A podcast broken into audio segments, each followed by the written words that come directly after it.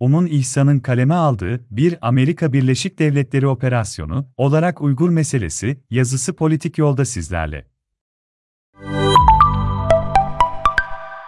Doğu Türkistan Cumhuriyeti 1944 yılında Uygur coğrafyasının en gözde şehirlerinden biri olan Gulca'da kuruldu ve 1949'da Çin Komünist Partisi, ÇKP, yönetiminin Sovyet Rusya ile yaptığı anlaşma sonucunda yıkıldı. Pekin'e özel bir toplantıya davet edilen modern ve seküler cumhuriyetin liderleri tuzağa düşürülerek katledildiler ve ölümleri kazasüsü verilerek örtbas edildi. Böylece 1950'de Tibet ve Doğu Türkistan coğrafyası tamamen ÇKP yönetiminin kontrolüne geçti. Tibetliler Türkler siyasi faaliyetlerini Hindistan'a ve Batı'ya yoğunlaştırmıştı. Uygurlar ise mücadelelerini Orta Asya'ya ve Türkiye'ye taşıdılar. Böylece Tibet mücadelesi kısa zamanda hız kazanırken, Uygurların mücadelesine tanınan imkanlar ise gittikçe daraldı. Sovyetler Birliği'nin dağılmasından sonra Uygurlar Orta Asya'da yeni kurulan Türk Cumhuriyetlerinden umutlanmıştı. Ancak Çin kısa süre içinde Orta Asya'da etkin bir ülke haline geldi. Şangay İşbirliği Örgütü'nün kurulması ve bu kuruluş aracılığıyla Orta Asya'daki Uygur siyasi siyasi hareketlerinin terör kapsamında değerlendirilmesi de Orta Asya'nın Uygur mücadelesi için elverişli olmadığını ispatladı. Doğu Türkistan Cumhuriyeti'nin eski Genel Sekreteri İsa Yusuf Alptekin 1954 yılında Türkiye'ye geldi. Türkiye'de Uygur siyasi mücadelesini duyurmaya ve sürdürmeye çalışan Alptekin 1995 yılında hayatını kaybetti. Bu arada Çin'in gittikçe büyüyen ekonomik gücü siyasi etkisinin de genişlemesini sağladı. 2000'lilere kadar Orta Asya'da ve Türkiye'de sürdürülen Uygur hareketi hiçbir sonuç elde edemedi. Uygur mücadelesi uluslararası bir meseleye dönüşmedi. Sonunda Uygur kanat önderleri ve aydınları meseleyi batıya taşımanın gerekli olduğu fikrine vardılar ve 2004 yılında Almanya'nın Münih şehrinde Dünya Uygur Kongresi'ni kurdular. Böylece hareket resmen Orta Asya ve Türkiye'den batıya taşındı. Öte yandan Çin'in bölgedeki asimilasyon menterasyon politikaları, özellikle 2016'dan sonra soykırım politikalarına evrilmeye başladı. Etnik politikalar gün geçtikçe radikalleşti. Çin'in iç ve dış politikada gittikçe saldırganlaşması, teknoloji, ekonomi ve ideolojik yönden modern değerlerle çatışma yaşaması, uluslararası siyasette güvenlik problemi kapsamında ele alınmaya başlandı. Günümüzde Batı, artık Çin'i sadece güçlü bir ekonomik rekabetçi olarak görmüyor. Zira Çin sadece teknolojik yönden değil, ideolojik yönden de Batı'nın demokratik düzenine bir alternatif önermeye başladı. Nitekim Çin'in Doğu Türkistan'daki soykırım riskini arttırması ve ÇKP'nin, Çince komünizm olarak tarif ettiği mutant rejiminin adeta küresel küresel bir tehdit haline gelmesi, Batı'nın Uygur meselesine ilgisini arttırdı. Zira Uygur, Tibet ve Hong Kong meseleleri Çin'in dünyaya önerdiği sistemin sonuçlarıydı. Bugün Batı, Çin'in soykırım politikasını örnek göstererek onun temsil ettiği rejime karşı safları güçlendirmek istiyor. Bu noktada önemli olan kimin dediği değil, ne dediğidir. Çin'in hegemonyası altında insan hakları, demokrasi gibi modern değerlerin varlığını sürdürebilmesi mümkün görünmüyor. O yüzden her siyasi otorite, Türkiye'nin de içinde bulunduğu Amerika Birleşik Devletleri liderliği liderliğindeki Batı İttifakı ile Çin-Rusya liderliğindeki Doğu İttifakı'ndan birini seçmeye zorlanacak. Bir asırlık Uygur mücadelesi Orta Asya ve Orta Doğu'da siyasal İslam ya da pantürkizm propagandalarının popülerliğine rağmen mağlup oldu. Zira bu coğrafyalarda siyaset pragmatist olmaktan, toplumsal hareketler ise ideolojik çizgiye hapsolmaktan kurtulamadı. İnsan hakları ve demokrasi gibi modern değerlerle kültürel entegrasyonu başaramayan toplumlarda küresel insan hakları mücadelesi, yerel seçimlerde kullanılan siyasi kozdan öteye gidemiyor görünüyor. Güçlü bir kamuoyu desteği olmasına rağmen Uygurların Türkiye'deki lobicilik faaliyetleri hükümetin insan hakları temelli bir Uygur politikası geliştirmesine olanak sağlayamadı. Adalet ve Kalkınma Partisi ve Milliyetçi Hareket Partisi koalisyonu ve onların temsil ettiği siyasal İslam ve milliyetçilik Uygur meselesi söz konusu olduğunda, o bir Amerika Birleşik Devletleri projesi, söyleminin arkasına sığınmayı seçti. Zira Çin ekonomik ve siyasi gücünü kullanarak Türkiye'nin dış politika ağındasından Uygur konusunu temizlemeye gayret göstermekte. Üstelik Çin'in Parti'nin Türkiye'deki siyasi etkinliği sadece iktidarı değil, ana muhalefet partisini de hedefliyor. Türk solunun bazı radikal kesimlerinin de ÇKP'ye olan sempatisi dikkat çekici. ÇKP'yi Batı emperyalizmine karşı küresel işbirlikçi olarak görme eğilimindeki siyasi grupların Çin'in merkeziyetçi otoritesine sempati duyduğu biliniyor. Bununla birlikte Çin, Türkiye'de Adalet ve Kalkınma Partisi iktidarı tarafından yayılan komplo teorileriyle beslenmiş Batı karşıtı propagandadan etkili biçimde yararlanıyor. Böylece geçmişteki Tiananmen olayı, Tibet mücadelesi, Hong Kong protestoları ve Uygur soykırımı gibi ÇKP totaliter rejimi tarafından problem haline gelen kritik sorunları Batı karşıtı propagandadan yararlanarak örtbas edebileceğini düşünüyor. Çin'deki propaganda kuruluşlarının uydurduğu komplo teorilerine göre Tibet, Hong Kong ya da Uygur sorunu yok. Hepsi Batı'nın oyunu. Benzer siyasi söylemlerle kendi tabanını tutmaya çalışan Adalet ve Kalkınma Partisi iktidarı ile ÇKP'nin Batı karşıtı propagandaları ne kadar da birbirine benziyor, öyle değil mi? Türk ekonomisinin çöküşü bir Amerika Birleşik